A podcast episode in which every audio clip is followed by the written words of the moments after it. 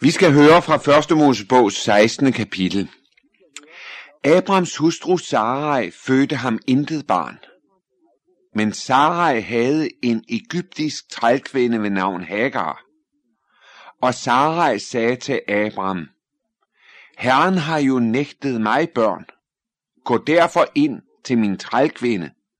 Måske kan jeg få en søn ved hende. Og Abram adlød Sarai. Så tog Abrams hustru Sarai sin trælkvinde, Ægypterinden Hagar, efter at Abram havde boet ti år i Kanaans land, og gav sin mand Abram hende til hustru. Og han gik ind til Hagar, og hun blev frugtsommelig. Men da hun så, at hun var frugtsommelig, lod hun hånd om sin herskerinde. Da sagde Sarai til Abram, min krænkelse kommer over dig. Jeg lagde selv min trælkvinde i din favn. Og nu hun ser, at hun skal føde, lader hun hånd om mig. Herren være dommer mellem mig og dig. Abram svarede Sarai, din trælkvinde er i din hånd. Gør med hende, hvad du finder for godt. Der plagede Sarai hende, så hun flygtede for hende. I dette afsnit ser vi, hvordan vores reaktion er, når vi skal vente længe på opfyldelsen af Guds forjættelse. Bare gået 10 år, hører vi i vers 3, siden Abraham brød op og drog ind i løfteslandet. Men endnu har han ikke fået noget barn. Sarai, for hende er det også et vældigt problem. Herren har jo nægtet mig børn, sådan udtrykkes det i vers 2. Og hvad ligger der ikke af nød? Hvad ligger der ikke af sorg? Hvad ligger der ikke af brudte forhåbninger netop i det? Gud har nægtet hende det. Hun forbinder alt med Gud. Og når Gud har nægtet hende noget, så begynder hun at spekulere på, hvordan hun alligevel kan få det. Få det på en anden måde. Og nu var det sådan, at de børn, som en trælkvinde fødte, tilhørte hendes frue. Og hvis Hagar nu fik et barn, en søn, så er det jo egentlig min søn, sådan stod det for hende. Og jo mere hun tænkte på det og levede sig ind i det, jo mere synes hun, at det måtte jo være løsningen. Det måtte jo være vejen. Og må det ikke også var Guds vej for hende og for Abram. Derfor opfordrer hun Abram til at tage Hagar til hustru og prøve, om man ikke kan få et barn sammen med hende.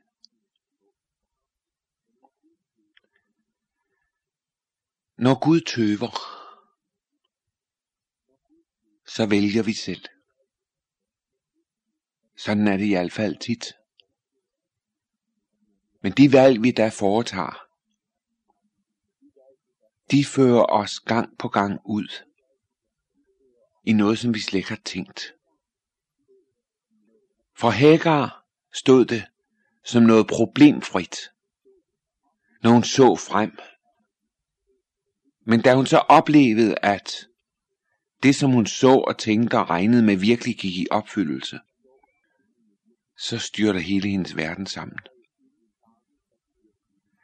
Allerede inden barnet er født, der har hun en helt tydelig og klar fornemmelse af,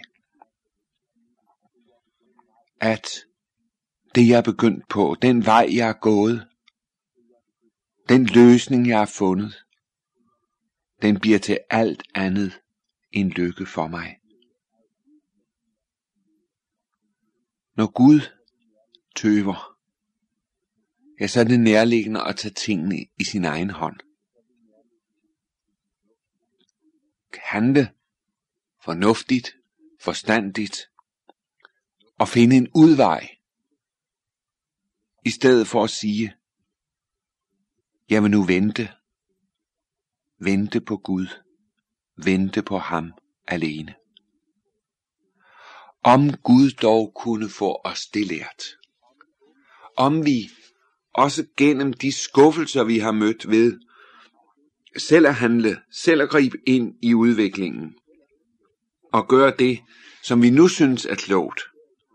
Om vi derigennem kunne få øjnene op for den velsignelse, der er knyttet til at lade Gud gribe ind, at lade ham handle, at lade ham være den, som fører alle ting igennem.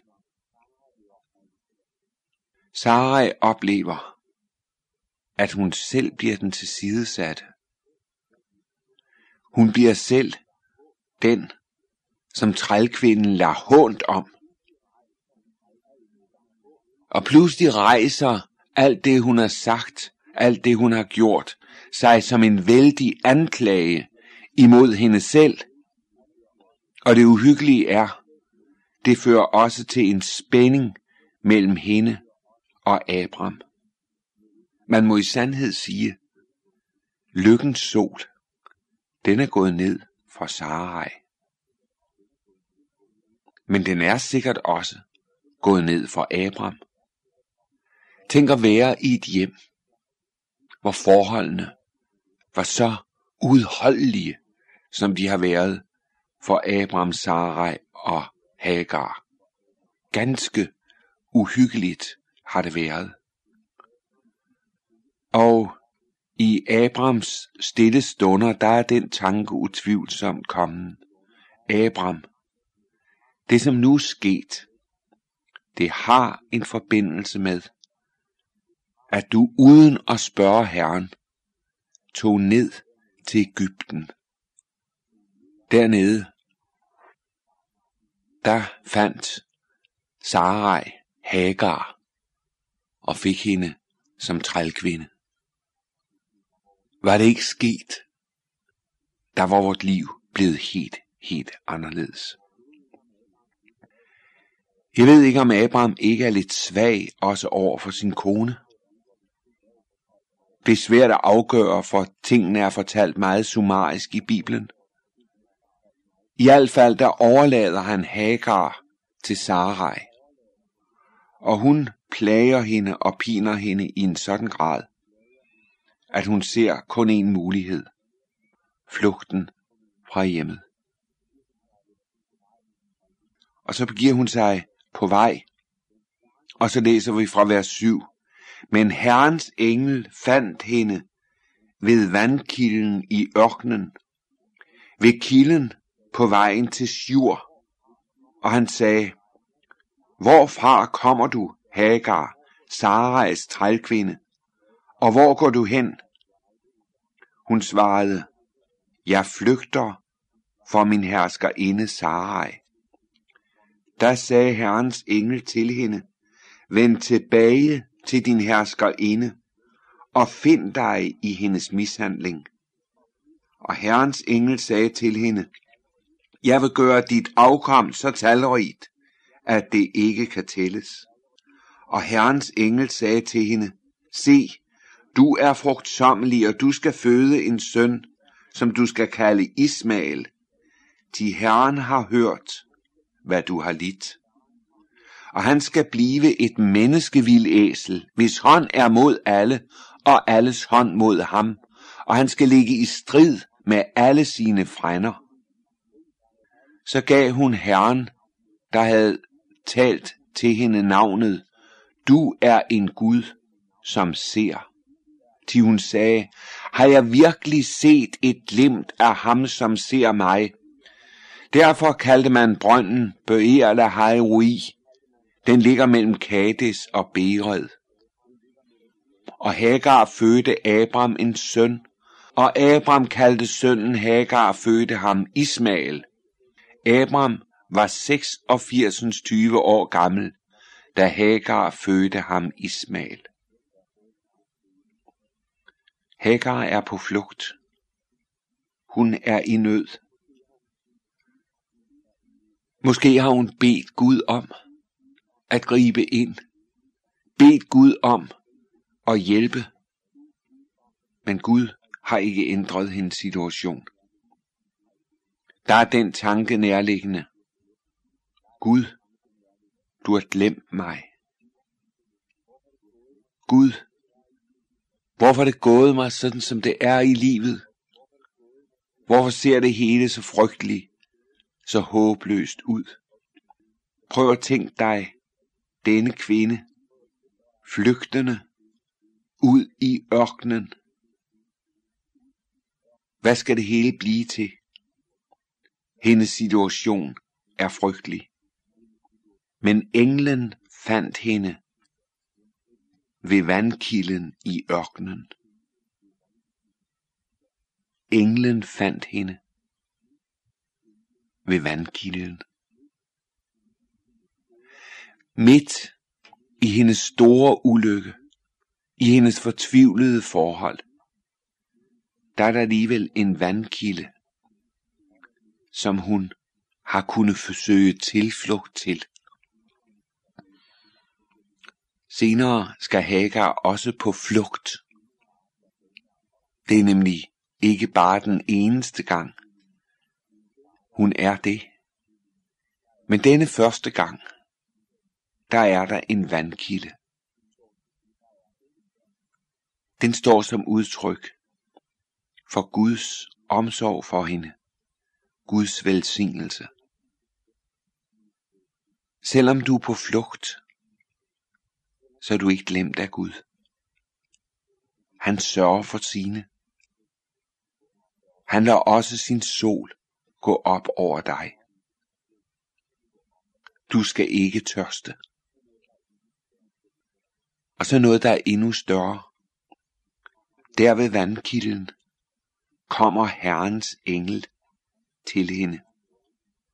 Og han har noget at sige til hende.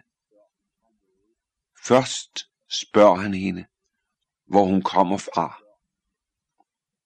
Det er godt at få sagt det, sådan som det er. Det er godt og brede det ud for Herren i ord. Gud har givet os bøndens forunderlige gave og forret. Bruger du den? Fortæller du Gud, hvordan du har det? Siger du til ham, hvordan alle ting er?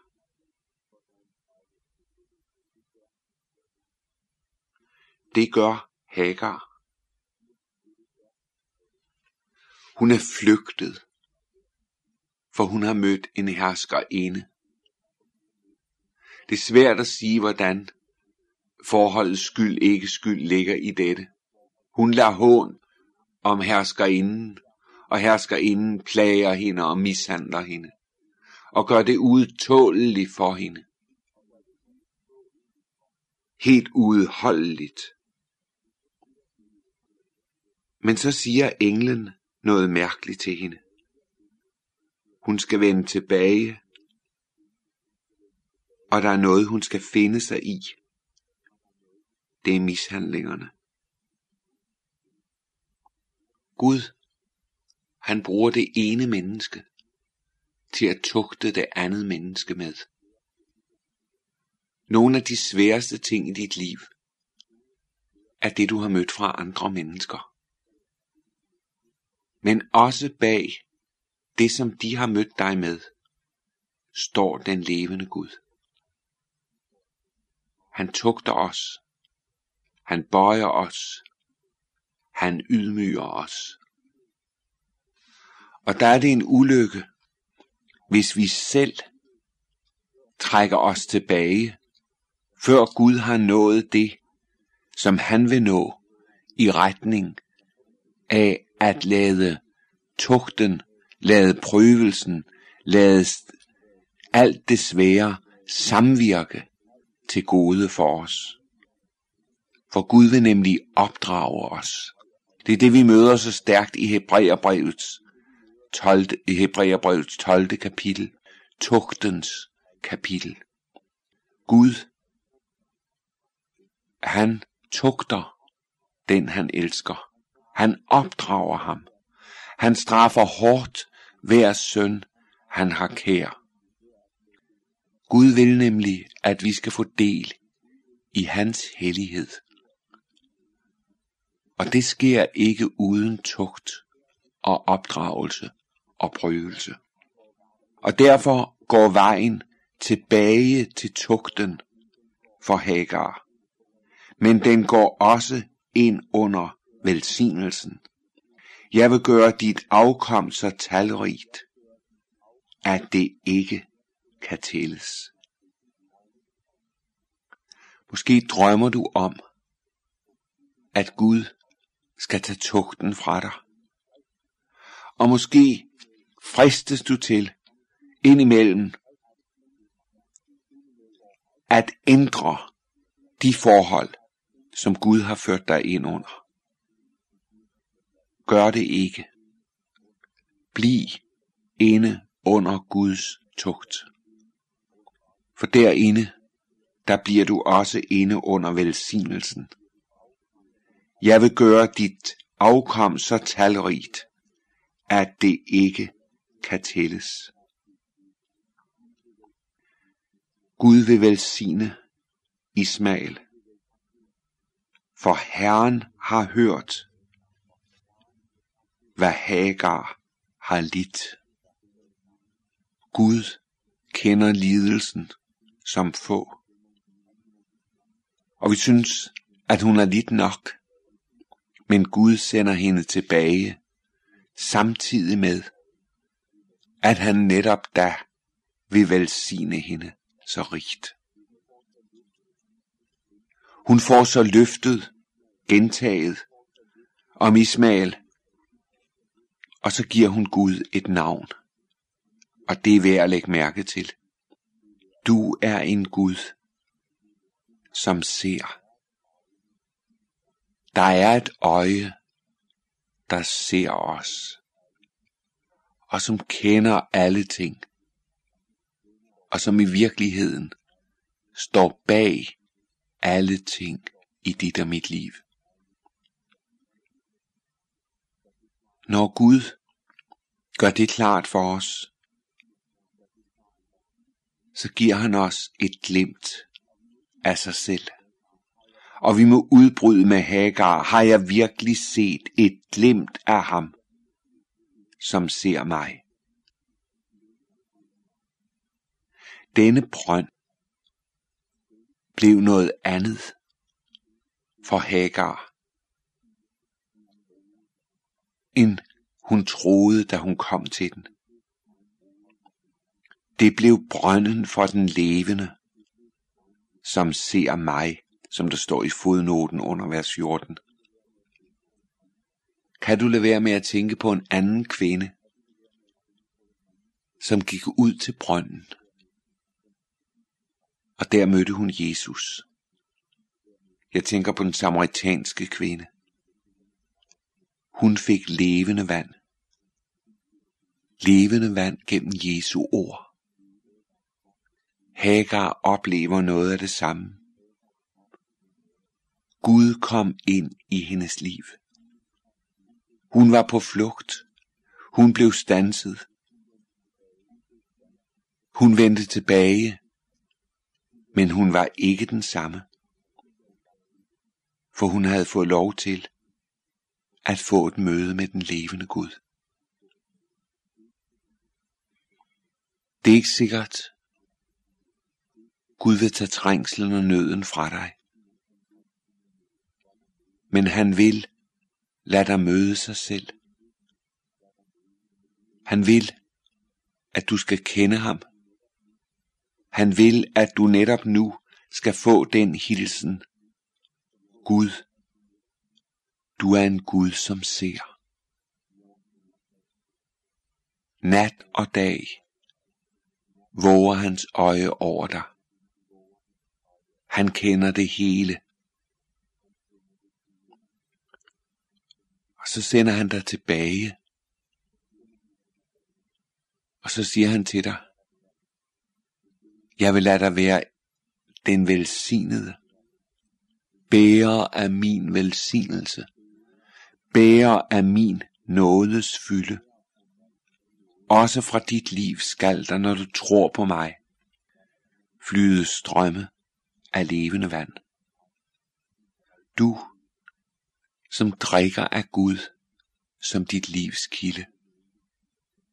Der sker noget i dit liv. Du kan ikke se det, ikke opleve det. Men Gud ser det. Skriften viser det. Der flyder strømme af levende vand fra dig. Så vender Hagar tilbage, og hun fø- føder Ismael. Og vi hører til sidst, at Abram er 86 20 år gammel, da han får ham. Hvilken glæde.